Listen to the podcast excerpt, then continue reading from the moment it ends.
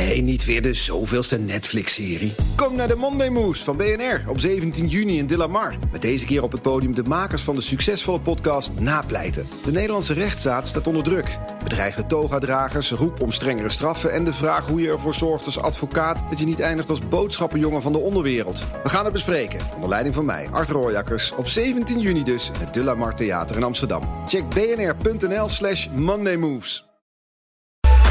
BNR Werkverkenners wordt mede mogelijk gemaakt door BrainNet. BrainNet voor zorgeloos en professioneel personeel inhuren. BNR Nieuwsradio. BNR Werkverkenners. Rens de Jong. Het is het begin van het jaar en misschien heb je nu al je beoordelingsgesprek achter de rug. Nou, wat je daarin hebt, dat heb je in een eerdere uitzending gehoord. Um, maar wat in die aflevering telkens terugkwam, was dat het het moment is om salarisverhoging te vragen. Of om een flinke bonus binnen te slepen. Dat zette ons bij werkverkenners aan het denken. Wat heb je eigenlijk aan een hoger salaris of een vette bonus? Hoe kan je alleen maar meer kopen? Of word je er ook een hardere werker van? Een betere werker? Nou, ik kan je alvast verklappen, het is voor ons mensen best lastig om met geld om te gaan als je geld voorgespiegeld krijgt, dat je ook uh, soms niet meer rationeel kunt denken en niet meer uh, helder dingen voor, voor, voor je ogen ziet. Want wat wil de medewerker bereiken? Die denkt niet in termen van organisatiedoelen. Die denkt gewoon uh, voor zichzelf. Ja, en de menselijke natuur is natuurlijk... geef me het liefst zo hoog mogelijk salaris. BNR Werkverkenners. Rens de Jong. Mijn naam is Kilian Wawoe. Ik ben organisatiepsycholoog. Um, na mijn studie organisatiepsychologie ben ik voor ABN AMRO gaan werken. Heb ik twaalf um, jaar gewerkt in binnen- en buitenland op het gebied van personeelszaken. Um, toen ben ik gepromoveerd aan de VU. En tegenwoordig werk ik aan de Vrije Universiteit als docent, ene helft. En de andere helft uh, werk ik in de praktijk. En ja. een van de dingen die ik doe is boeken schrijven. En er is net een nieuw boek uit. Net een nieuw boek uit, het heet Het Nieuwe Belonen. En dat gaat eigenlijk over de vraag hoe je nou op andere manieren uh, kunt belonen ja. organisaties. Ja. Wat werkt nou wel en wat werkt nou niet? Ga ik harder werken als ik meer geld krijg? Um, het simpele antwoord is ja. Mensen gaan uh, meer hun best doen als ze geld krijgen. Dat is het simpele antwoord. Het uh, wat ingewikkeldere antwoord is dat dat bij simpel werk dus ook uh, effectief is. Dus als ik, ik doe wel eens een experiment bij mijn studenten. Dan vraag ik aan ze wie wil de koffie halen. Nou, dat wil bijna niemand. Dan bied ik 50 euro. En ze, ze springen allemaal op. Kost media 50 euro, maar ze vergeten het nooit meer. dus bij simpele dingen werkt geld eigenlijk perfect om datgene te krijgen wat je wil. Bij complex werk werkt het helemaal niet. Dus de chirurg gaat niet beter opereren. De, de piloot gaat niet beter vliegen. En de radiopresentator gaat niet beter presenteren. Waarom geven we hem dan wel meer geld? Dat komt omdat uh, twee dingen vaak door elkaar worden gehaald. Dat is het succes van het bedrijf. Dus is er geld? Dus een eerlijke verdeling, een verdelingsvraagstuk, dat geldt namelijk ook. En een prestatievraagstuk. En die twee dingen worden door elkaar gehaald. Dus we denken dat uh, geld een goed middel is om om eerlijk te delen, dat klopt. Maar het is geen middel om prestaties te krijgen. Die twee dingen lopen vaak dwars door elkaar. Ja, ja. En um, maakt geld wel gelukkiger? Want misschien is dat, ja, je wil je mensen gelukkig hebben, dus ja. geef ze meer geld. Ja, als mensen uh, geldstress hebben, dus als ze op een, een, een inkomen zitten waarop, waarop ze niet alles kunnen doen wat ze zouden willen in hun basisbehoeften. Dus uh, bijvoorbeeld kerstinkopen doen of nieuwjaars uh, dingen voor nieuwjaar kopen, dan maakt geld echt gelukkig. Dus mensen met geldstress, en dat zijn er in Nederland zo'n 2 miljoen, dat zijn er dus behoorlijk veel. mensen die gewoon geldproblemen hebben, achterstand op hun rekeningen, die maak je met geld echt gelukkig. Als je boven dat bedrag komt, en je kunt discussiëren over waar dat precies ligt. Hoe hoog is het ongeveer? Uh, Amerikaans onderzoek laat zien dat het zo'n uh, 70.000 euro is. Dat is veel. Ik heb het zelf nagerekend om, om te begrijpen waar het vandaan komt. En mijn vermoeden is, um, we zitten hier in Amsterdam. Je hebt in Amsterdam twee keer modaal nodig om een modaal leven te leiden. Mm. Dus een, een, huis hier is zo duur dat je alle twee moet werken op modaal niveau. En dan heb je samen zo'n 70.000 euro. En dan heb je een huis van uh, een modaal huis, dus uh, niet eens zo heel groot. En dan geldt eigenlijk voor iedereen in Nederland, inclusief de Randstad, dat je uit je geldzorgen bent. Dus ik heb dat bedrag geschat ook op zo'n 70. 70.000 euro, dan ben je in ieder geval in je basisbehoeften voorzien. En als je daar boven gaat? Dan maakt meer geld niet gelukkig. Nee. Dus ik zeg altijd tegen mensen: als je met uh, 70.000 nog niet gelukkig bent, ga je het met 170 of met 1,7 miljoen ook niet meer worden. Nee, uh, toch denken mensen dat niet. Nee. Hè, bij, bij, uh, we hebben eerder een uitzending gemaakt over beoordelingsgesprekken. Nou, ja. daar, daar, gaat het om. Hè. Wat er wordt gezegd maakt niet uit, maar uh, krijg ik die 6% erbij? Ja. Mensen hebben een, een, natuurlijke neiging om vooral meer te willen. En um, um, mijn um, vermoeden is, en ook wel gestaafd met onderzoek, is dat als wij als mensheid niet steeds meer zouden willen, dan staan we ook stil. Als ik met mijn zwemdiploma blij was geweest op mijn zesde. En ik dacht, nou, nu, nu ben ik klaar. Ja. Dan, uh, dan was ik dus nooit meer gegroeid in mijn leven. Dus op het moment dat ik uh, een doel heb gehaald... Dat is ook, blijkt dus dat die blijdschap uh, ongeveer een week of vier, vijf voortduurt. En dan is hij weg. Ja. Dan moet je weer wat nieuws. Ja. Dus als soort is dat heel fijn dat we nooit gelukkig zijn. Maar als individu is het knap vervelend. En, en maar, dus eigenlijk dat salaris helpt ons om een soort met van uh, indicator te hebben, ben ik aan het groeien. Ja. En daar vind ik het wel weer logisch van. Ja, dan. Mensen zoeken er voor een deel ook erkenning in. Ja. Dat zie je nu met lerarensalarissen. Is dat ze eigenlijk uh, op zoek zijn naar erkenning voor hun werk. Nou ja, wat is er belangrijker dan het onderwijs voor je kinderen? Dat Ja. is in geld haast niet uit te drukken. Maar als iemand zegt, ga dat dus wel eens in geld uitdrukken... Ja, dan wordt het knap lastig. Ja. Maar je ziet dus, maar het punt, dat probeert, het punt dat ik probeer te maken is, jij zegt, mensen willen wel altijd, zijn altijd met groei bezig. Ja. Dat is prettig, daarom zijn we misschien zo ver gekomen. Uh, alleen is dat heel moeilijk te meten. En Ja. de makkelijkste manier om te meten is gewoon zeggen: hoeveel geld trek ik per jaar binnen? Ja. Toch? En als Dus, jij mij eh, dus geen salarisverhoging geeft, dan ben ik dus klaarblijkelijk niet gegroeid. Nee. Dus uh, geld heeft uh, twee belangrijke functies voor mensen. Het, is een, het heeft een absolute functie. Je hebt het nodig om, om uh, eten voor te kopen en andere dingen. Maar het is dus ook nog een vergelijkingsfunctie. Ja. Ik vergelijk me met jou, maar nu wordt het vervelend. Ik vind mezelf beter dan jij.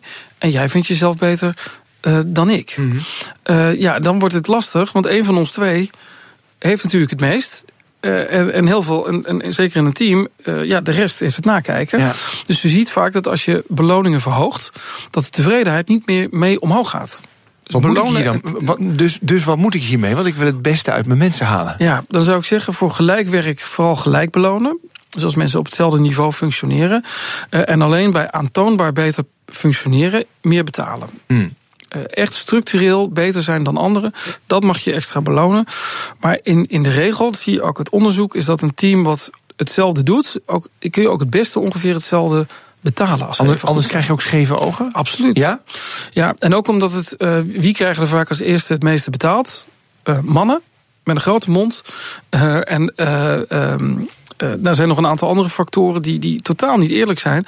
En dat, dat leidt tot scheve ogen. Ja. En uiteindelijk, wat uh, scheve ogen Allah, maar ja. ook minder productieve teams? Minder productieve teams, mensen die weggaan, mensen die ontevreden worden. Uh, ze zeggen ook wel, geld is een hygiënefactor. Hè? Dus je wordt er niet tevredener van, maar je kunt er heel ontevreden van worden. Ja. Als ik dit zo hoor, hè, dan kunnen we topsalarissen eigenlijk ook wel de deur uit doen. Uh, het is leuk dat je het vraagt. Ik heb uh, berekend hoeveel geld je nou nodig hebt om, uh, uh, om van te kunnen leven. Mhm. Mm -hmm. In het allerhoogste segment. Dus uh, als je een huis hebt van anderhalf miljoen, hoeveel heb je dan eigenlijk nodig? Ja. Uh, want je kunt je. Dus, en ik gewoon de vraag gesteld: stel, ik ben de CEO van Shell en die verdient zo'n zo'n 8 miljoen per jaar. En die wordt gevraagd premier te worden, dan gaat hij terug naar 180. Kan dat? Nou, wat blijkt is dat die 180, ik weet niet hoe ze het verzonnen hebben, is ongeveer het bedrag wat je nodig hebt om in de allerduurste levensstijl van Nederland te hebben.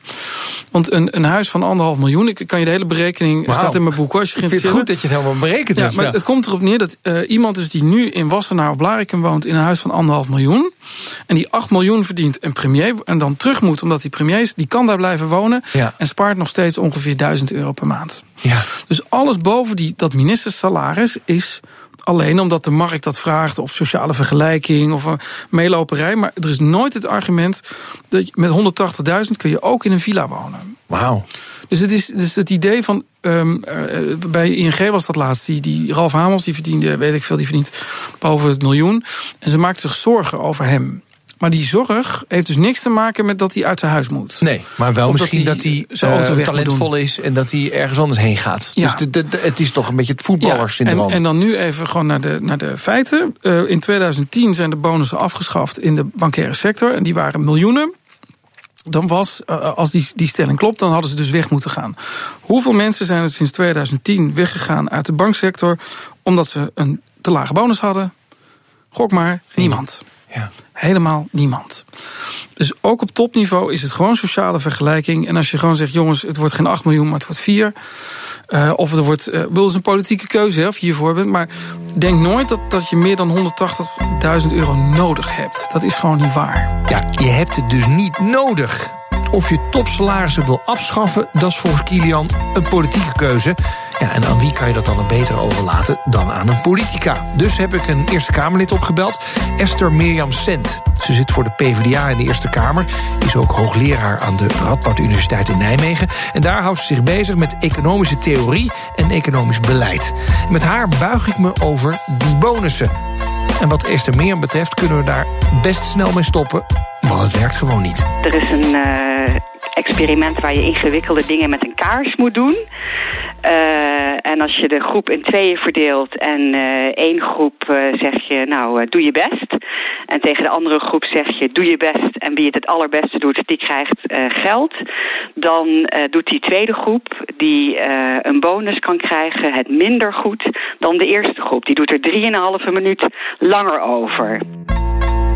En wat blijkt, dat financiële beloningen die beïnvloeden het denkproces negatief. Ja, dus mocht je denken dat je met een bonus je medewerkers beter maakt, kom je toch bedrogen uit. En met die kritiek is Kilian Wawu, docent HRM aan de VU en oud personeelschef van de ABN AMRO, het helemaal eens. En zijn oude werkgever ook, want die zijn inmiddels gestopt met het geven van bonussen. Als zelfs de bankensector en zelfs de laatste gelovigen in deze, uh, de ABN AMRO, ervan af is gestapt... dan is de tijdgeest toch wel dat we er misschien mee moeten stoppen. Ja, het klinkt allemaal makkelijk, hè? Gewoon stoppen met die bonussen. Maar ja, je moet je medewerkers ook wel een beetje tevreden houden. Wat alternatieve manieren zijn om ze te belonen, hoor je zo meteen. BNR Nieuwsradio. BNR Werkverkenners. En deze week bijt ik me vast in de vraag: gaan we harder en beter werken als je meer geld krijgt? Nou, ik neem met Esther Mirjam Sent, hoogleraar economische theorie en economisch beleid, mijn eerste conclusies door. Meer geld of een, een bonus, in welke vorm dan ook, zal wel voor gedragsverandering zorgen, maar vaak zorgt het niet voor het goede. Het is vaak maar een tijdelijke gedragsverandering. Uh, en het gaat voorbij aan hele andere zaken die ons gedrag misschien veel sterker beïnvloeden dan die financiële prikkels. Mm. Ja, en het kan af en toe het verkeerde gedrag uitlokken, hoor ik je ook zeggen. Zeker, nou ja, dat hebben we natuurlijk gezien met eh, de bonussen en de aanloop naar de financiële crisis. Dat er uh, extra risico's werden genomen uh, met het idee van, nou, dat, daar kan ik een bonus bij krijgen. Maar daar zat er een asymmetrie in dat je wel beloond werd als het goed ging, maar niet bestraft werd als het slecht ging. Um, dus als je al financiële prikkels inzet, moet je ze natuurlijk wel juist inzetten. Als ik dit nou zo hoor, hè, laten we zeggen van de econoom Um, en ik luister dit als baas. Wat moet ik doen? Als baas moet je zorgen dat je medewerkers een uh, fatsoenlijk salaris krijgen. Uh, en moet je zorgen dat ze het gevoel hebben dat ze zinvol bezig zijn. Uh, dat het een waardevolle bijdrage is die ze leveren. Ze willen graag erkenning. ze willen graag uitgedaagd worden. ze willen graag creatief bezig zijn. we hebben weten bijvoorbeeld dat als je zelf een origami poppetje maakt... dan wil je er veel meer voor betalen dan wanneer je het van iemand anders moet kopen. Uh, we weten dat uh, mensen, als ze zelf een IKEA-kast in elkaar zetten... dat ze er dan meer voor willen betalen dan uh, wanneer ze dat niet hebben gedaan. en dat soort inzichten, die zijn waardevol als we als, ons als baas willen realiseren... dat we mensen op de optimale manier willen stimuleren en ja. belonen voor hun bijdrage. Maar, maar kunnen we iedereen leuk werk geven dan? Uh, ja, het is natuurlijk inderdaad uh, de, de, de, grote uitdaging. Uh, dat het niet voor alle medewerkers is weggelegd. Dat niet iedereen creatief bezig kan zijn. Dat er ook gewoon geautomatiseerd werk is. Dus uiteraard zijn dit zo'n beetje de piketpaaltjes waar je aandacht aan moet schenken. maar tegelijkertijd moet je natuurlijk ook realiseren dat het helaas niet voor iedereen is weggelegd. Voor wie dat wel is weggelegd is Kilian Wawu. Hij is docent HRM aan de VU en geeft bedrijven advies over personeelszaken. Of hij nou zelf tevreden is over zijn eigen salaris? Ik heb een beetje een raar verhaal. Want ik had ooit bij de bank een enorm hoog salaris... en ben vrijwillig uh, ongeveer uh, 70% teruggegaan. Dus uh, ben ik daarover tevreden. Nou, nee, ben je daar ongelukkiger door geworden? Nee, maar uh, ik heb wel uh, meegemaakt dat uh, als je echt onder dat niveau komt te zitten, als je, als je, ehm, als je echt geldtekort krijgt, wat ik nog nooit in mijn leven had gehad als, als bankmedewerker, dat is knap vervelend. Ja. Uh, dus ik ben ook een keer een van die 2 miljoen mensen geweest die gewoon uh, moeite had om al zijn rekening te betalen. Nou, dat is niet leuk. En daar krijg je echt stress van. Daar krijg je echt stress van. Ik ja. heb meegemaakt dat in één, uh, in één week ging mijn auto kapot, mijn cv-ketel en mijn droger. Ja, dat is gewoon. Uh, dat is op dat moment heel vervelend. Maar goed, dat was mijn eigen keuze. Maar uh, daarmee is wel gezegd dat geld voor de mensen die geldstress hebben, dus een enorm belangrijk uh, iets is. En je ja. ziet ook nu uit nieuw onderzoek over mensen met geldstress worden, klinkt heel stom, die worden dommer. Ja. Ja, ik geloof 13 IQ-punten ja, ongeveer. Dat klopt. Hè? Ja, je ja. hebt uh, inderdaad goed uh, gehoord. Dus, de, de, je wordt, dus iemand die al niet zo heel slim is, wordt gewoon zwak begaafd. Moment dat hij geldstress ja. heeft. Maar merk je dan bij jezelf nu, want je hebt nu weer een aantal banen. En ja. ja. dat je zegt, ah, het is weer rustiger geworden. Het is ongeveer dat, op het bankiersalaris nee, dat, qua dat, geluk. Dat, dat niet, maar... Uh, nee, niet qua geld, qua maar qua geluk. geluk. Ja, ja, qua geluk zeker. zeker. En misschien ook nog wel hoger, want ik doe nu dingen waar, die ik heel leuk vind. Uh, en, en op het laatst bij de bank was ik dat gewoon veel minder. Um, maar je moet, je moet niet meer in dat stressniveau zitten. Want ja, ja. je kunt het een beetje vergelijken als met een computer. Is dat als er te veel programma's openstaan, dan wordt die computer langzaam. Ja. En dat gebeurt bij mensen dus ook. Ja. Uh, en, en er is altijd één programmaatje wat meedraait en dat is die geldstress. Samengevat, als je een goede baas wilt zijn, zorg er dan voor dat je werknemers niet in de geldstress zitten. Daar krijg je namelijk zelf ook slimmere medewerkers voor terug. Maar boven dat niveau, zo'n 70.000 euro per gezin per jaar, gaat het niet alleen maar meer om geld, maar gaat het vooral om andere zaken. De tip die ik heb voor mensen in de, in de praktijk is: vraag je altijd af wat wil je nou eigenlijk met je beloningsbeleid bereiken? Dus wat is je, het is een middel tot een doel. Nou, wat was nou ook alweer dat doel? Was dat dat je je mensen tevreden wilde hebben? Of wilde je eerlijk delen? Of wilde je prestatieverbetering? Nou, wat dat laatste betreft, dat gaat niet werken. Dus betere prestaties zul je in professionele teams niet vinden. Maar wat wil je dan wel bereiken? Mhm. Nou, en, en, en denk dan eens na waar je voor gaat belonen. En meestal kom je dan toch uit op uh, dat mensen een team willen. Nou, ga dan per team beoordelen en niet per individu, want dan krijg je scheve ogen. Waarom gaat dit zo mis? Omdat het, uh, dat merk je al in dit gesprek, het is hele complexe materie. Uh, dus belonen heeft heel veel doelen die allemaal dwars door elkaar lopen. Um, en ik, ik ben er nu zeven jaar mee bezig geweest om die uit elkaar te rafelen. En ik merk dat ik het nog moeilijk vind. Um, maar ik zie in de meeste bedrijven dat, dat al die doelen door elkaar lopen. Ja.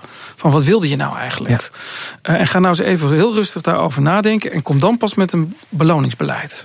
En anders blijven mensen toch altijd in een soort van ja, een bonus schijnt erbij te horen of een hogere beloning schijnt erbij ja. te horen. En dan doen we dat maar. Dan zijn we, we even maar, van het ja. gezeik af. Ja. Maar nu begint ook in het bedrijfsleven het besef in te dalen dat bonussen niet de heilige graal zijn.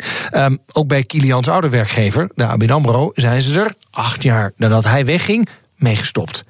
En Kilian ziet het als een teken aan de wand. De maatschappij is er klaar voor om afscheid te nemen van bonussen. En dat we veel meer moeten gaan denken in termen van groepsbeloning, uh, winstdeling, prosociale bonussen, et cetera. Ja, en, en waarom dan wel bijvoorbeeld winstdeling en die prosociale bonussen? Wat is dat dan voor een verschil? Ja, het, het verschil is, is dat je uh, iets beloont wat je graag wil hebben. Namelijk, uh, als je aan mensen vraagt, dus vraag ik wel eens aan managers: wat wil je eigenlijk hebben in je team? Dan zeggen ze teamwork. Nou, als je dat wil, dan moet je dat gaan belonen. Ja. Uh, en, en, dan moet je, en ik wil dat het één groep gaat worden. Nou, dan moet je ze ook zo gaan behandelen. Um, en als dan één iemand individueel het toch beter doet, geef hem dan liever een beetje meer salaris dan het gezeur over bonussen. Ja. ja. En winstdeling, waarom ben je daar dan wel voor? Uh, niet altijd hoor, want moet, uh, als je in de zorg zit, dan is er geen winst meestal. Dus dan valt ook niks te verdelen. Maar het voordeel daarvan is, uh, weet je wat in het MKB ook gebeurt? In een goed jaar is er gewoon meer geld. En dus krijg je dan ook iets extra's. En in een slecht jaar krijg je minder. En dan ben je ook eerlijk in het feit dat het voor een deel gewoon toeval is. Dus het, de, de resultaten van een bedrijf zijn onderhevig aan toeval. Dus een deel van je salaris is ook onderhevig aan toeval. Dat is eigenlijk wat een winstdeling is. En niet de pretentie dat het een relatie heeft met jouw persoonlijke prestatie. Nee, maar dat is toch wel zo? Of is dat niet zo dan? Ehm, Toch als wij allemaal hard werken. ja, Of, is- of is de winst Maar toch ik, ik, stel, ik, stel, ik, ik had een keer een discussie met mijn baas bij de bank vroeger. En die zei, eh, ik zei, joh, moeten we geen winstdeling invoeren? Eh, wat dus nu gaat gebeuren bij de bank trouwens. Eh, en die zei toen tegen mij, ja, je bent een soort communist, zei hij. Want jij wil de goede en de slechte dus gelijk belonen. En toen zei ik tegen hem van, nou dan heb jij jezelf net verraden. Want hebben we slechte mensen? Ik bedoel, Als je slechte mensen hebt in een team... dan moet je heel wat anders mee doen dan de discussie of ze wel of niet een bonus krijgen. Die moeten getraind worden, of die moeten een opleiding, of die moeten eruit. Maar dat is niet het middel om dat probleem op te lossen. Of om het anders te vragen, zou jij geopereerd willen worden in een ziekenhuis waar de goede en de slechte chirurgen een andere bonus krijgen? Nee, ik wil gewoon geen slechte chirurg. Ik wil gewoon geen slechte chirurg. Nee, en, en, en, en we zien heel vaak in onderzoeken dat er gewoon 10, 20 procent van de mensen in een bedrijf gewoon helemaal niet functioneert. Ja. Ja, daar hoort een hele andere interventie bij. Ja, kortom, dat vind ik wel echt een inzicht. De- ja, het is bijna zo simpel voor woorden, maar wat wil je bereiken? Ja, als je, dat, als je daar nou eens mee begint, en laat, ik hoop dat dat de, de- eigenlijk de belangrijkste les, eh, voordat we over eh, middelen gaan praten, wat was je doel? Ja, het is echt les 1 in de strategie, maar dat geldt dus ook voor personeelszaken. En als dat je doel is, betere en gelukkigere werknemers, dan ga je dat met meer geld niet bereiken. Maar dat betekent niet dat werknemers niet gaan vragen om meer geld. Ja, en de menselijke natuur is natuurlijk, geef me het liefst zo hoog mogelijk salaris. Ik weet niet hoe het met jou zit, maar Ja. als iemand eh, naar aanleiding van deze uitzending geld op mijn rekening wil storten, hou, u Ja. niet in, zou ik zeggen.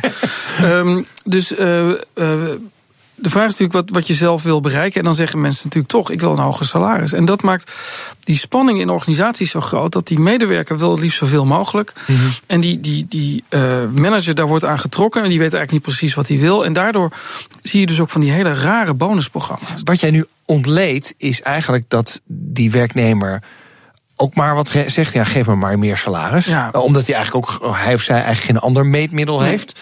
Eh, de, de manager denkt ook, ja, nou ja, daar zal hij dan wel gelukkig van worden, want hij vraagt erom. Maar ja, hoe ga ik dat aan die anderen uitleggen? Dus er worden allerlei gekke constructies bedacht. Ja.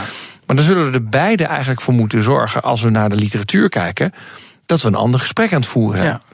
Dus het gesprek is ook vanuit de medewerker. Wat wil je nou bereiken? Dus ehm, eh, het, wat, wat wel goed is voor medewerkers, ook voor als mensen nu luisteren en het op zichzelf betrekken. ehm, eh, we overschatten enorm de waarde van geld. Dus we denken, eh, je ziet bijvoorbeeld onderzoek bij mensen die de loterij winnen. Ik weet niet of jij je wel eens die vraag hebt gesteld: wat zou ik doen met een miljoen? Dan zie je bijvoorbeeld dat mensen die in één klap miljonair worden, die worden super gelukkig. En die keren eigenlijk vrij snel daarna weer terug naar hun oude niveau. Dus het, het, de waarde van geld is veel, veel minder groot dan wij denken.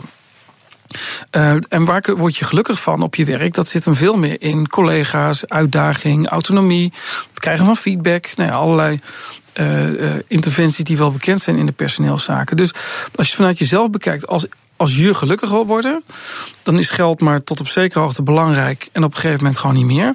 Als je beter wil gaan presteren, dan kun je veel beter een training gaan doen. Ja. En daar dus ook om vragen. En dan gewoon vragen. Ja. Ja. En dat is een win-win situatie. Hè? Dus coaching, training, dat, dat is goed voor het bedrijf, goed voor de medewerker. Wat helemaal niet goed is voor de medewerker, is een lager salaris. Legt hoogleraar en Eerste Kamerlid Esther Mirjam Sent me uit. Want we vinden het als mensen ongelooflijk erg als we iets verliezen. En dus zet ik haar voor het blok. Want als we inderdaad zo gelukkig worden van een leukere baan, wat moet ik dan doen? Een leukere baan kiezen met minder salaris? Of toch gaan voor die salarisverhoging bij die minder leuke baan? Nou ja, dat minder salaris, daar word je dus wel heel erg ongelukkig van. Oh ja, je zou oh ja. je- je- liever niet natuurlijk. Je Nee, maar goed, nou, maar dit is dan, dan is het wel, dit is wel een heel interessant dilemma dan. Dus we moeten nu gaan kiezen. Het is een leukere baan, maar het heeft minder salaris. Ja, dan moet je toch even proberen je rationele zelf in te zetten... en te beseffen dat waar je echt gelukkig van wordt... is zinvol, creatief, eh, uitdagend werk doen.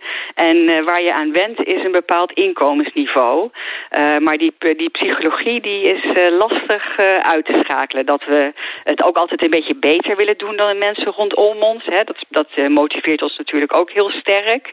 Eh, dus als alle anderen hetzelfde inkomen krijgen... en ik ga leuker werk doen tegen minder salaris... dan eh, ja, raakt me dat zo diep dat ik daar niet meer heel erg rationeel over kan nadenken. Ja, en terwijl het wel beter voor je zou zijn. Eigenlijk wel, eigenlijk wel. Het blijft lastig als het om geld gaat. En toch een aantal conclusies van deze aflevering. 1. We gaan wel wat harder werken van meer geld, maar alleen als het gaat om simpele taken. 2. Een topsalaris heeft niemand nodig, maar uit de geldstress komen, dat is wel de moeite waard. Want door geldstress krijg je IQ een behoorlijke klap. Boven de 70.000 euro per jaar per huishouden zit je prima. En als laatste, een betere werknemer. Als je die wil hebben, dan kun je beter zorgen voor meer erkenning, veel feedback en uitdagend en creatief werk. Nou, dat was het weer voor deze werkverkenners. Je kunt ons vinden in de BNR-app, op iTunes, op Spotify en op LinkedIn. Tot de volgende keer. Dag. BNR Werkverkenners wordt mede mogelijk gemaakt door BrainNet. BrainNet voor zorgeloos en professioneel personeel inhuren. Ook Liesbeth Staats vind je in de BNR-app. Ja, heel handig. Luister live naar Kees en mij tijdens de Daily Move. Dan blijf je ook gelijk op de hoogte van breaking news en het laatste zakelijke nieuws. En daar vind je ook alle BNR-podcasts, waaronder de Perestrooikast. Download nu de gratis BNR-app en blijf scherp.